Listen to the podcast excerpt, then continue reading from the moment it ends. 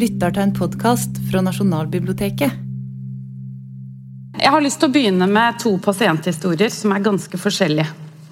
Eh, og Det ene handler om brødrene Hans og John. Og Denne historien den skriver seg fra 1781. Eh, Hans og John de var 30 eh, og 36 år gamle. De bodde i en bitte liten stue langt ute på landsbygda. Uten, altså I Bratsberg amt, litt utenfor dagens Skien. Eh, der bodde de helt skilt fra alle, fordi alle skydde dem som pesten, som amtmannen sa. Og Han henvendte seg til den lokale legen doktor Arbo, for å høre om han ikke vær så snill kunne gjøre et siste forsøk. Fordi Hans og Jon de hadde vært innlagt på et radesykehus i Bratsberg. Et av eh, de mange som ble opprettet mot denne sykdommen. Jeg skal fortelle dere litt om senere. Eh, men nå var de oppgitt av alle. Eh, og eh, som dere sier, Jeg har prøvd å oppsummere litt av den historien, fordi vi har historien gjennom Hans Arbo, som spesialiserte seg i å behandle disse pasientene. Eh, og Han sier han, han er 36 år, og han har vært syk i tre år. og Det meste av nesebrusken er helt borte. Han har en overleppe som er ganske fortæret og ser så forferdelig ut at folk bare ser bort og ikke orker å se på han. Eh, Jon derimot, han ser ganske ok ut, med unntak av denne forferdelige ansiktsfargen han har. Han er gul og blek eh, og ser ut som et spøkelse. Eh, men han har ikke noe synlige skader. Derimot så sliter han forferdelig med å puste. Han har det Arbo kaller en brystsvakhet. Og Arbo har inkludert dem i sin fortelling, fordi den boken han skriver, og som jeg også skal fortelle litt om senere, den består av en serie pasientfortellinger som alle ender godt. Eh, så disse pasientene blir nærmest mirakuløst med hjelp av enebær og eh, de eh, eksotiske urtene eh, sarsaparille og kinabark. Helt friske og kan gjenvende, som man sier, som nyttige samfunnsmedlemmer til Bratsberg amt. Det er altså Hans og Jon. De var fattige. De er eh, typiske eksempler på radesykepasientene på den tiden. Eh, de kom fra lavere sosiale lag, og vi har eh, veldig få beretninger fra pasienter. Fordi de var så fattige at om de kunne skrive, så har, ingenting av det de har skrevet, blitt etterlatt. Det aller meste av det vi kjenner til om radesyken, det fra pasientenes side, det vi, må vi liksom lese oss til og tolke oss til gjennom legene. Men det finnes et unntak, og dette har vi fra en som het Charlotte eh, Amalie Finkenhagen. Og hun var prestefrue. Eh, og det eh, var, det var ikke altså i hvert fall så Det kan jo hende at det var sånn at disse i embetsstanden holdt det skjult for folk hvis de ble smittet, og at det er grunnen til at vi ikke vet noe om det. Men jeg kjenner ikke til noen andre i embetsstanden som ble smittet. Eh, men hun ble det.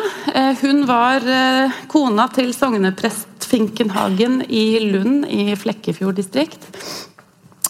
Og hun, De flyttet til Flekkefjord i 1782, og hun ble syk i 1795 og ble behandlet først av de lokale legene uten hell. og Så reiste hun til København, til det store Fredriks hospital, som er det første sykehuset som ble etablert i Danmark-Norge, som hadde som hovedformål å kurere mennesker.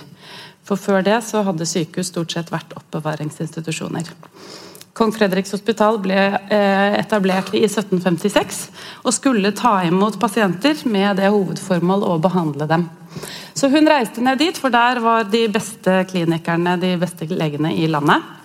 Eh, og Der var hun i to år. Eh, og så skriver hun hun og mannen brevveksler.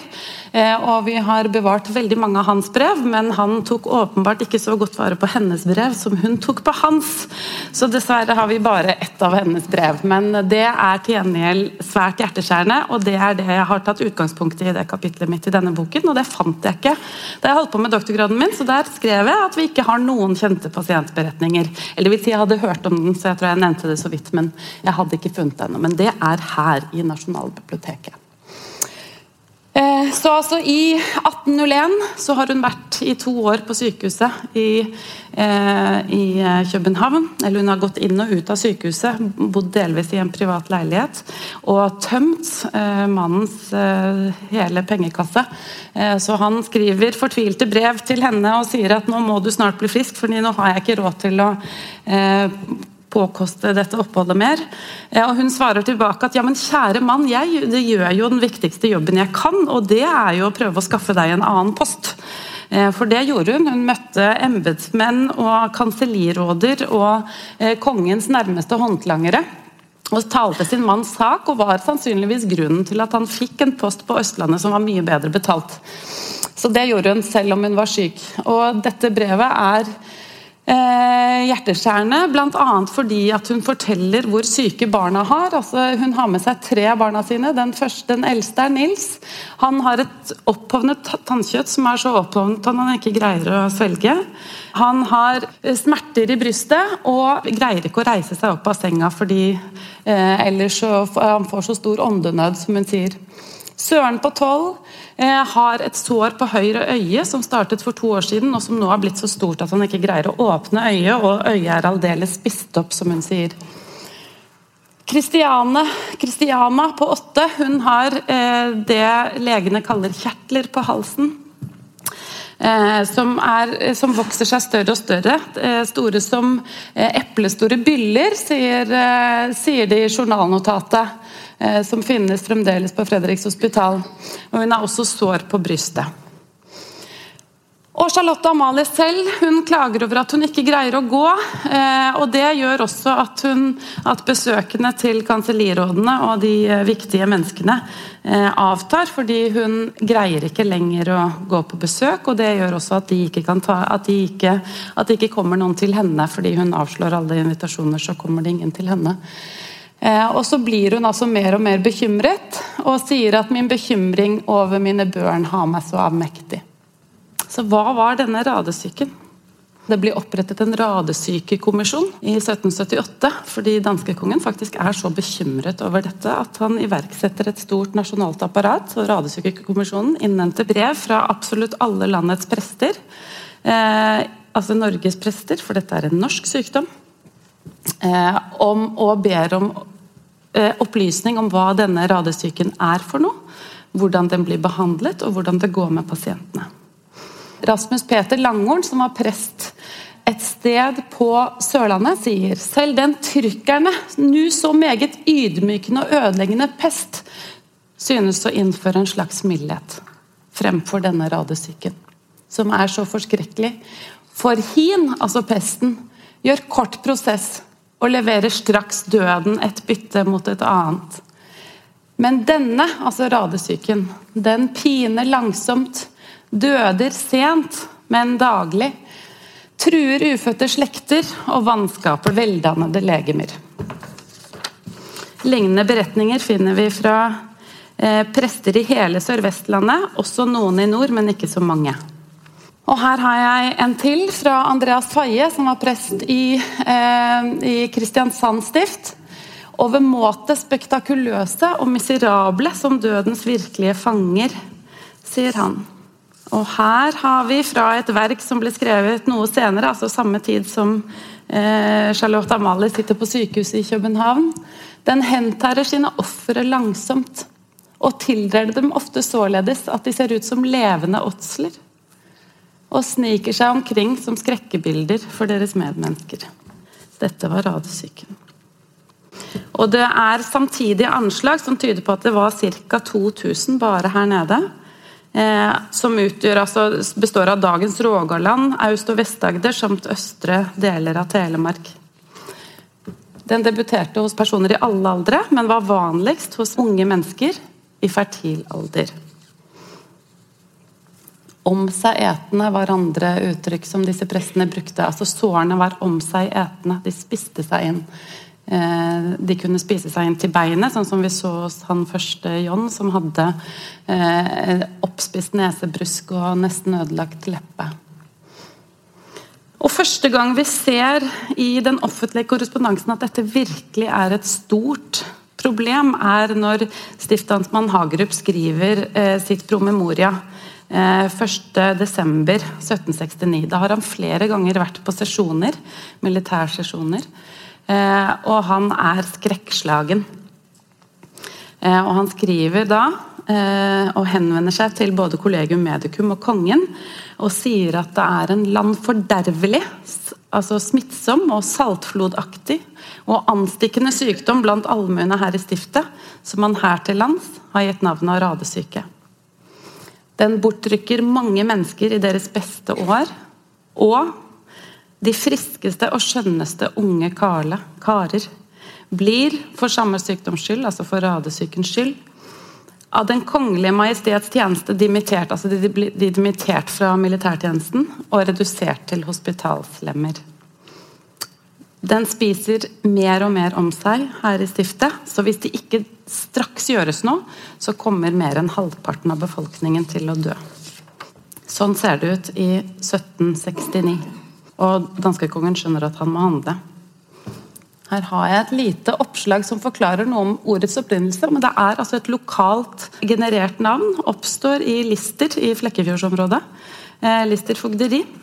Eh, dette av dem selv oppdigdede ord, sier han litt hånlig. Daniel Torsen. Det er jo av og til sånn at leger kan være litt foraktfulle overfor eh, allmuen.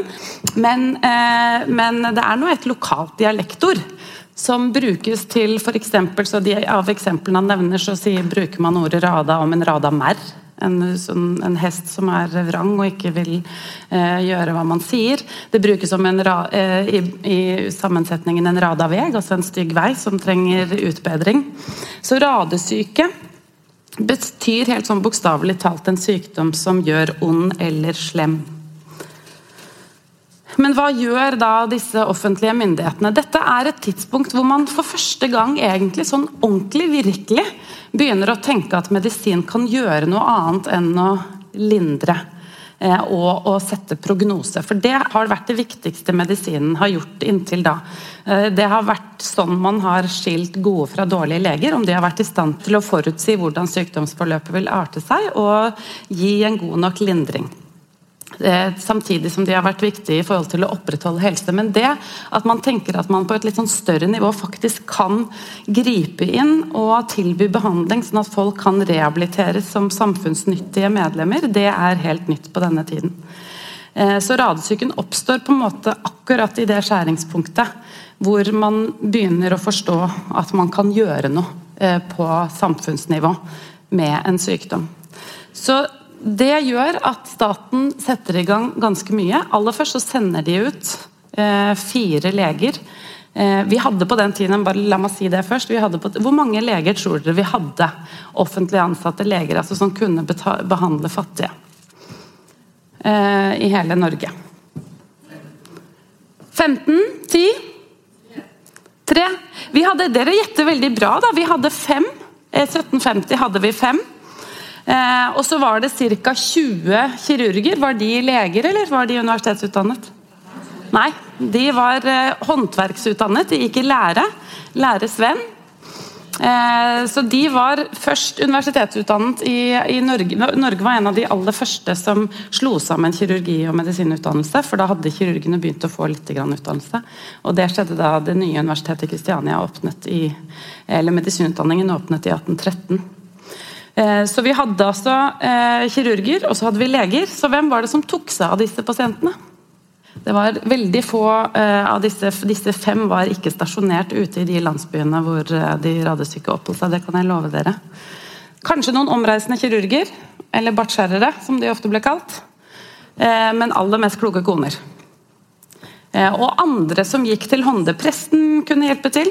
Eh, og det var de også eh, statsmakten henvendte seg til når de opprettet denne radiosykekommisjonen som jeg fortalte om i sted. Men det gjorde at de hadde behov for å prøve å sende noen kyndige folk opp. Så de sendte da kirurger, de var kirurger, men de hadde tilleggsutdannelse, såkalte licentiati. Eh, de var tyske, alle mann. Og de ble sendt opp på landsbygda i Norge og skulle drive en såkalt ambulatorisk tjeneste. altså De skulle reise rundt og behandle folk der de bodde. Det likte ikke disse kirurgene særlig godt, og de var nok først og fremst med på denne turen fordi de eh, ikke hadde noen annen mulighet til eh, ærvær. Eh, så de skrev ganske rasende tilbake eh, mange brev. Fortalte om hvem de hadde sett og hvor syke folk var, og bekreftet for så vidt Hagerups forestilling om at eh, dette dreide seg om en truende og om seg etende sykdom. Eh, og at det måtte gjøres noe, men at eh, måten ikke var å sende sånne leger rundt. fordi Hjemme hos folk eh, kunne man ikke gjøre noe, for de bodde så dårlig og eh, var, eh, tedde seg så dårlig og spiste så dårlig kost at eh, det hjalp ikke hva de gjorde. For så snart de dro, så ble de syke igjen. Så de foreslo at det ble opprettet sykehus. Og det gjorde man faktisk. Vi har, eh, jeg sa at Den første offentlige rapporten vi hadde om radesyken, kom i 1769. Det er ikke helt sant, for det var blitt forsøkt å opprette et sykehus for radesyke i Kristiansand eh, tidligere, i 1765. 1765 til 1766. Eh, men det ble lagt ned igjen eh, etter veldig kort tid, og det er også litt usikkert om det var for radesyke, eller om det var for en eh, ren syfilis. Men i hvert fall det første helt sikre radesykehuset vi har, det er opprettes i Stavanger i 1773. Og så kommer de som perler på en snor. Det radesykehuset i Bratsberg, som Jon og Hans var, som var de første jeg fortalte om. Det ble opprettet i 1773, det også. Og så får vi et radesykehus i Flekkefjord i 1776. Og i alt så blir det opprettet eh, Hvor mange sykehus tror dere for radesyken? Fem? Ti? Ja, antagelig så blir det opprettet så mye altså Totalt sett blir det opprettet 16 sykehus for radesyke og andre veneriske sykdommer. Så det er ikke bare for radesyken. Men totalt sett så kan vi regne med at det lå ca. 2000 pasienter innlagt i disse sykehusene over tid. Eh, og dette, eh, Nå skal jeg vise dere tegning av en av dem. Dette er eh, Henrik Degen som eh, tegner sitt sykehus i Flekkefjord. Og Bare det er et litt sånt uttrykk for denne nye måten å tenke på sykdom på, fordi det er en lege som tegner det. Før det så har altså sykehus vært litt sånn som jeg sa, oppbevaringsinstitusjoner. Nå blir det medisinske institusjoner, hvor man tenker smitte og luft og medisinskap og undersøkelsesrom og diverse på en annen måte enn det man har gjort før. Dette er sykejournalen til Degen. Her er da pasienten innlagt, og her er hans eh, latinske gjengivelse av deres sykdom. Og her er det eh, satt opp dato for når de kom inn, og når de gikk ut. Eh, og her er det utgikk som fullt helbredet, er denne spalten. Som inkurable, altså som ikke mulig å kurere. Her ser dere er faktisk ingen, eh, og her er det en død. Én død her nede. Og Det er egentlig betegnende for alle disse listene. Alle sammen går ut som uh, kur kurert. Hvorfor det? Blir de friske, eller? Hæ? Ja. Så insentiver de virker, og hans insentiv var at han fikk betaling bare når de ble Eller han fikk full betaling hvis alle ble friske. Og så fikk han halv betaling hvis de eh, ikke døde, men eh, måtte skrives ut ubehandlet. Og så fikk han ingen betaling hvis de døde. Så eh, Veldig mange av disse pasientene er skrevet ut eh, som fullt kurert. Hva fikk de av behandling? De fikk et helt arsenal av behandling. Eh, og de prøvde mye. altså en grunnleggende, Jeg har ikke tid til å gå inn på teoriene rundt hva de trodde at års, nei, radesyken skyldtes, men det var ganske mange teorier. Men de, eh, de hadde stort sett utgangspunkt i at noe var galt med kroppens væsker. Stort sett i formatet var en skarp, det de kalte en skarphet i væskene. Urene væsker. Og da var det et poeng å greie å få eh, kvittet seg med de urene væskene, eller et, et, ja, fått dem ut av kroppen. Tynnet ut sånn at de ble bedre. Og hva gjorde man da? Årelating. Så de drev med årelating. Det var for øvrig De universitetsutdannede legene mente at det var deres claim to fame. At de greide å individualisere årelating, sånn at de kunne persontilpasse den. De av dere som er helsepersonell vet at det nå er en stor ting med persontilpasset medisin. Det holdt legene på med på 1700-tallet. Mens kirurgene de årelat bare ett sted. Så de gjorde one size fits all på alle pasientene.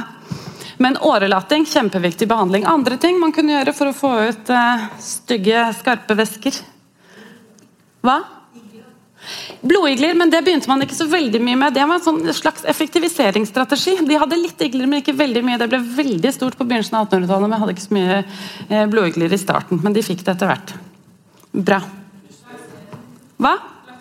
Laksermidler. Ja, de, altså, eller, eller diaré, faktisk. Fremkallende midler. Fordi væsker i alle former kunne godtas. Andre ting? Hæ? Urindrivende? Ja, de hadde ikke så mye av det, men det kunne de hatt. Eh, diuretika var ikke så veldig, i hvert fall ikke så mye brukt. Hæ? Svettedrivende midler, kjempebra. Og spyttproduserende midler. Og Ett eksempel på spyttproduserende middel er kvikksølv.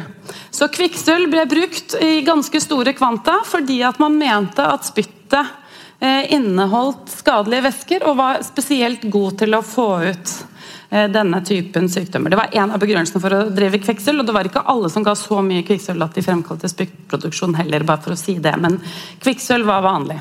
Men så hadde man i tillegg noe som hadde, er et resultat av oppdagelsen av den nye verden. Her har vi eh, tre sarsaparille. så Sarsaparilleroten av sarsaparillen. Parillen. dette eh, glemmes ofte. Vi tror liksom at eh, tidlig moderne tid var lokal, og at man bare holdt på eh, ikke sant? Vi hadde ikke fly og store transportmidler og sånn. Men det var en kjempesvær global handel i legemidler. Så sarsaparilleroten, oppdaget av spanjoler på tur til Eh, Amerika, da de oppdaget Amerika, eh, og noe som indianerne brukte eh, mot hudsykdommer. Så sarsaparillerot ble i, ganske raskt tatt i bruk mot veneriske sykdommer. et annet eksempel på det er guayacum-treet. Som også ble produsert i Peru og kom raskt i bruk mot syfilis. Og her har vi et eksempel på kinabark. Det, skal også være tre. altså Her er det et gammel botanisk plansje, så den er bare tatt for å vise blomstene. Men de, eh, de, medisinen ble utvinnet av barken på den, og den viste seg senere å inneholde alkaloide kinin, som brukes mot malaria. Men den ble altså brukt mot radesyke. Og her er skjørbukksurt, fordi en av teoriene man hadde om radesyken, var at det var en form for skjørbuk. Så man behandlet man, i, nei, man la folk inn i sykehus, man behandlet, og så skrev man bøker. Og hvorfor skrev man bøker? Jo, fordi man ville nå ut til folk. Dette var liksom opplysningstiden. Dere husker den franske opplysning og sånn. Og Radesyken er kanskje Jeg har pleid å kalle den Norges medisinske opplysning. Det er kanskje fordi jeg er spesielt opptatt av radesyken. Det er kanskje historikere her på første som er litt uenig i det, men jeg mener at dette er vår norske medisinske opplysning. Det blir i hvert fall gitt ut masse bøker om radestykken. og de skrives på norsk, veldig mange av dem.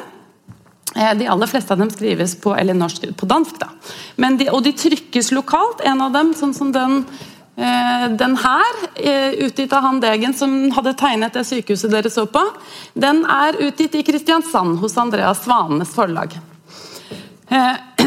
Og i disse bøkene, så, som er en blanding av å forsøke å finne ut av hva egentlig radiosyke kan være, Eh, fordi det spørsmålet de stiller seg her nå, er det er en blanding av å forsøke å finne ut hva radesyken skal være, og så er det en blanding av å si til prestene hvordan de skal behandle sykdommen. Og noen av dem henvender seg også direkte til pasientene. Det gjør nok Degen i mye større grad enn mange av de andre eh, forfatterne. Men de prøver altså å finne ut hva denne sykdommen er. Noen mener at det er Alle er enige om at dette er nytt, dette er noe vi ikke har sett før. Men noen av dem mener at eh, er, det er bare gamle sykdommer som har fått ny forkledning. Så tenker, Noen mener at det er en form for spedalskhet eh, som bare arter seg annerledes enn den har gjort før. Andre mener at det er en form for syflis, som igjen arter seg annerledes enn den har vært før. Og eh, andre mener at det er en form for skjørbuk, som også arter seg annerledes enn den har gjort før. Eh, og de blir ikke helt enige om dette. Men det er ikke så veldig farlig, fordi behandlingen de foreskriver er relativt lik. Og En helt annen mening, som ganske mange av dem også har, det er at radesyken er noe helt nytt. Det er noe vi aldri har sett før. Det er en ny sykdom som har oppstått nå av uforklarlige grunner akkurat på norsk jord. Og Det brukes også ganske mye spalteplass på å prøve å forklare hvorfor akkurat vi har blitt rammet av denne. Vi som ennå ikke har et universitet, vi som ennå ikke har en egen konge, men vi skal altså få vår egen sykdom. Men de finner altså ikke helt ut av hva det er. Så I 1776 så beslutter kongen at 13 eh, pasienter skal sendes ned til København. Det sendes et reskript hvor eh, det gjør, gjøres ganske mange forholdsregler i forhold til finansiering, ganske mange diskusjoner rundt om man i det hele tatt kan ha råd til dette, hvordan det skal gjøres, hvilke leger som skal være med. Men det er én ting eh, de ikke forestiller seg i det hele tatt i København. Og det er at pasienten ikke har lyst til å være med. Det er ingen av dem som eh, har lyst til å være med, så de strever og strever og strever. og strever. Og Det ender til slutt med at uh, amtmannen gir beskjed til fogden om at hvis det er nødvendig, så kan de hentes med makt. Og Vi vet faktisk ikke hvordan det gikk for seg, om det eh, endte med at de måtte bruke makt eller ikke, men fikk, de fikk i hvert fall med seg 13 pasienter. Som ble transportert på uh, Mathias Bugge sitt skip, som seilte fra Stav først Stavanger og så fra Flekkefjord, hvor det dro 10. april.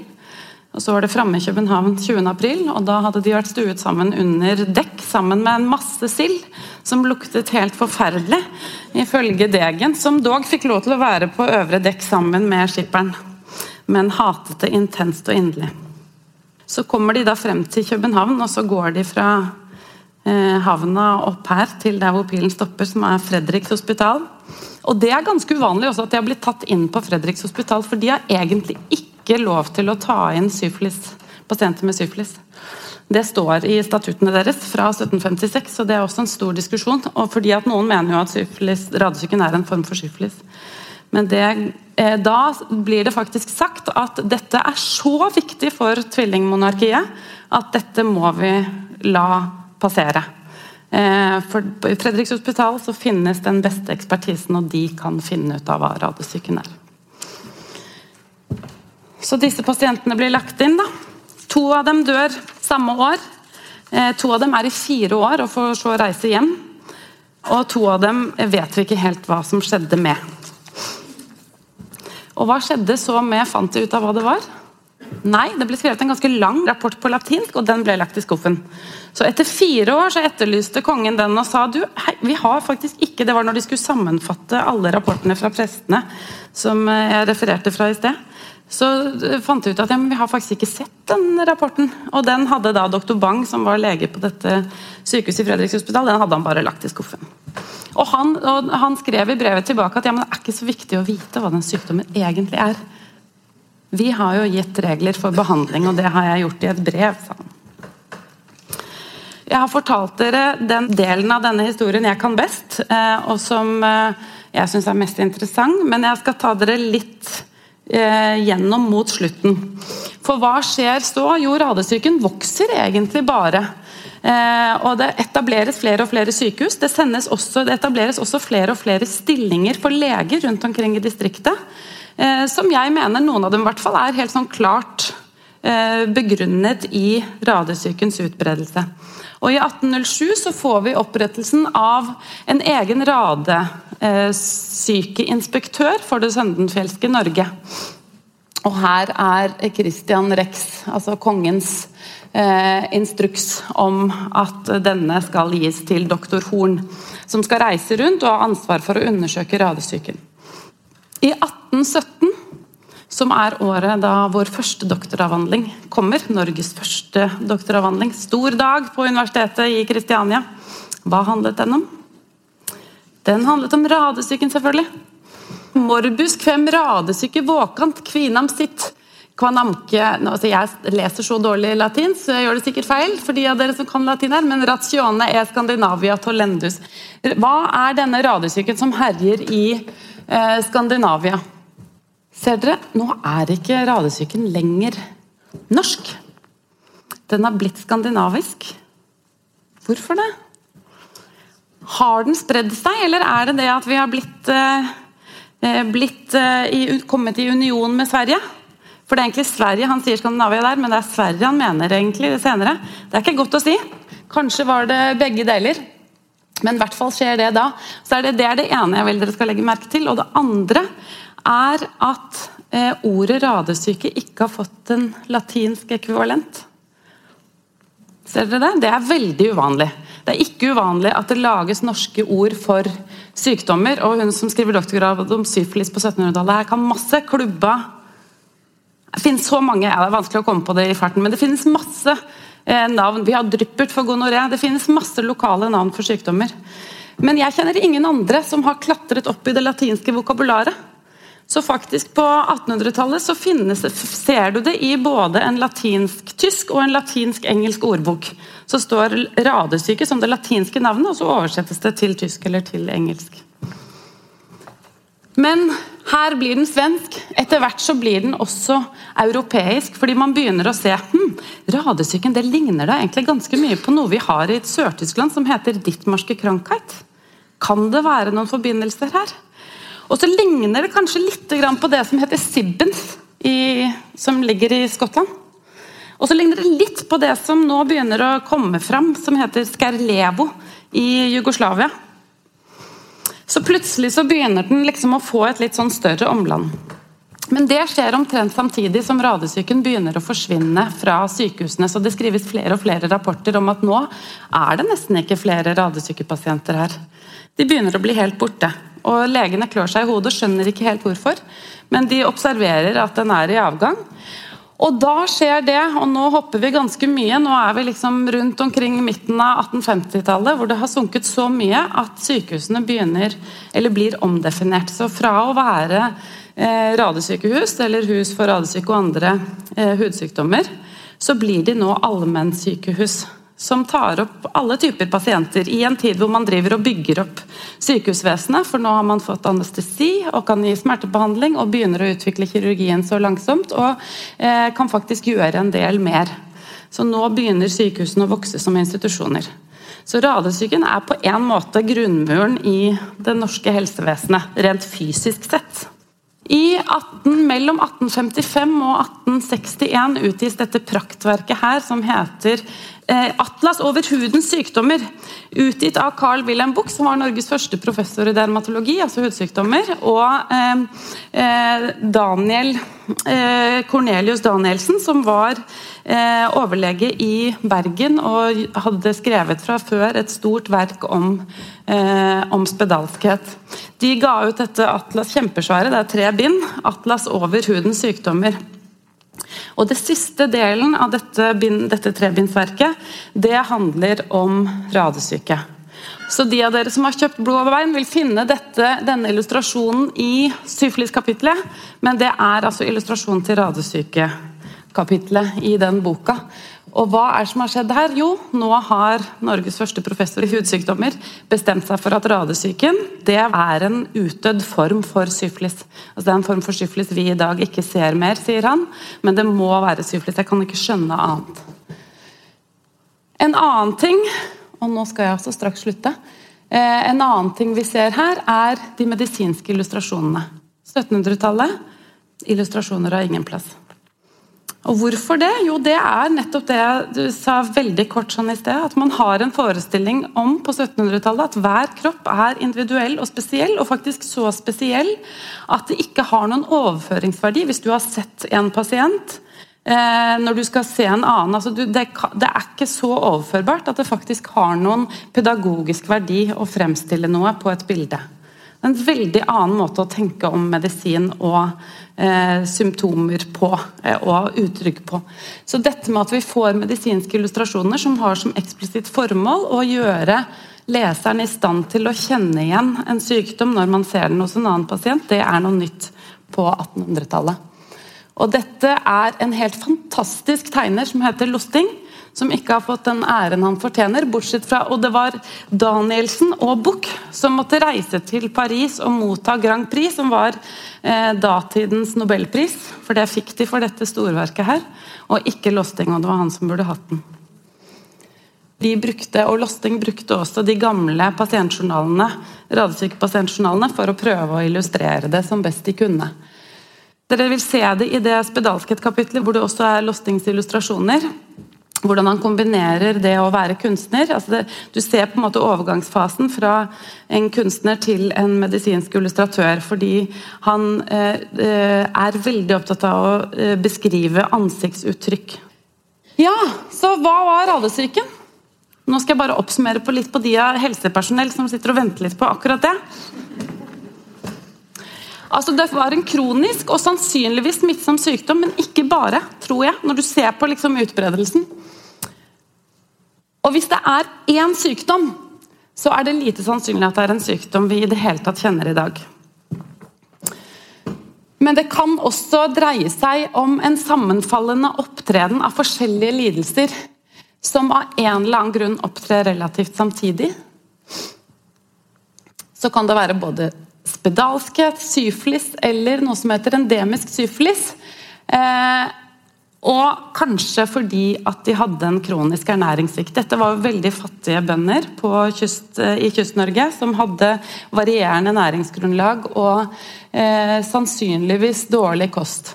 Men vi vet ikke helt. Endemisk syfilis er en form for syfilis som vi bare nå ser i tropiske strøk, og som også overføres altså Syfilis overføres jo som dere vet via seksuell omgang, stort sett. Eh, mens endemisk syfilis kan oppdeles også ved, eller smitte også ved eh, deling av eh, spiseredskaper, f.eks. Veldig mange av de jeg har sett, har hatt familier med barn som har blitt smittet ikke som spedbarn, men eh, litt senere i livet. Og med mindre man hadde en utbredt incest, så er det veldig litt sannsynlig at hovedkjernen her var vanlig syfilis. Så er det bare for å minne dere på at eh, det finnes noen sånne mutilerende sykdommer. Heldigvis så har de gått ned i forekomst, de også. Men altså, her er Beijel. Og her er en form for eh, hudtuberkulose. Eh, og her er spedalskhet. Og spedalskhet er fremdeles en stor helsetrussel i veldig mange land. Men jeg er litt opptatt av at vi ikke skal altså som historiker da, så er jeg jo litt opptatt av at vi ikke skal frata disse pasientene Det var radesyke de hadde. Så jeg tenker liksom at Det er litt viktig å fortsette å kalle det ratestykke, fordi det var det som legitimerte hvordan legene oppførte seg, hvordan pasientene søkte. Var det de forsto det mest. Så vi må heller prøve litt å forstå hva de tenkte. Når det er sagt, så tenker jeg at eh, det også er litt viktig sånn, eh, å huske på at det er ikke sånn at eh, sykdommer aldri eller er de samme over tid. Bakteriene endrer seg, og bakterienes virulens, eller altså deres aggressivitet, for å si det sånn, kan også variere over tid. Det har vi sett med syfilis, som var mye mer aggressiv da den kom til Europa på slutten av 1400-tallet, enn vi har sett den noen gang siden. Så De første liksom, 50 årene der var den mye mer aggressiv og hadde mer karakter av en sånn veldig aggressiv epidemi. Så, så, det er noe i det også at biologien kan endre seg, og at sykdommer kan oppstå for, eh, og eh, øke intensitet og så forsvinne på andre former. Tuberkulose har også hatt andre eh, former før enn det har i dag. Ja. Tusen takk for at dere kom, så mange, på en tirsdag.